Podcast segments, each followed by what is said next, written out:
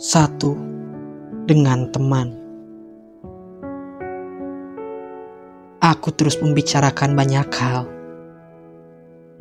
Sedangkan di seberang sedang berperan jadi kesunyian. Terlalu banyak kesibukan. Hingga tiada ruang-ruang untuk menjadi pengertian.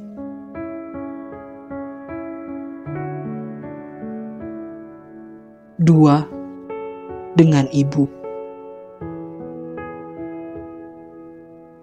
Suara itu hanya menciptakan air mata, lalu menjadi hal-hal yang berdesakan di kepala, jadi rantai di kaki-kaki, jadi sakit di hati. Aku tak bisa menutup telepon atau menjadi tuli.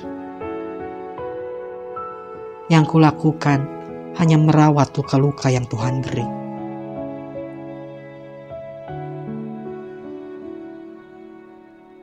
Tiga, dengan Bapak. Tidak ada suara. Kita menjadi sepasang diam dalam segala kalut yang tergenggam. Helaan napas panjang dan mata yang pura-pura tegar.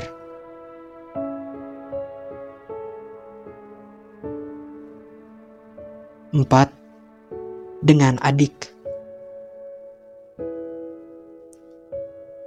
Tumpahlah segala resah yang kita selalu rawat baik-baik.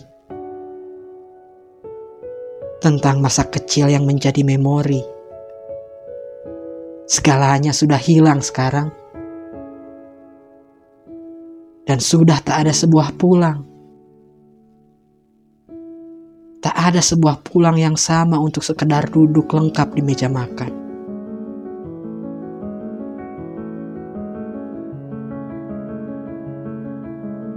5. Dengan kekasih.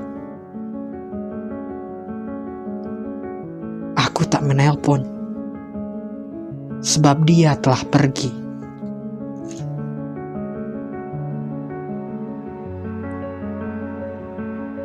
Enam, dengan Tuhan. Dia terlalu sibuk sampai tak punya waktu untuk mengurusiku.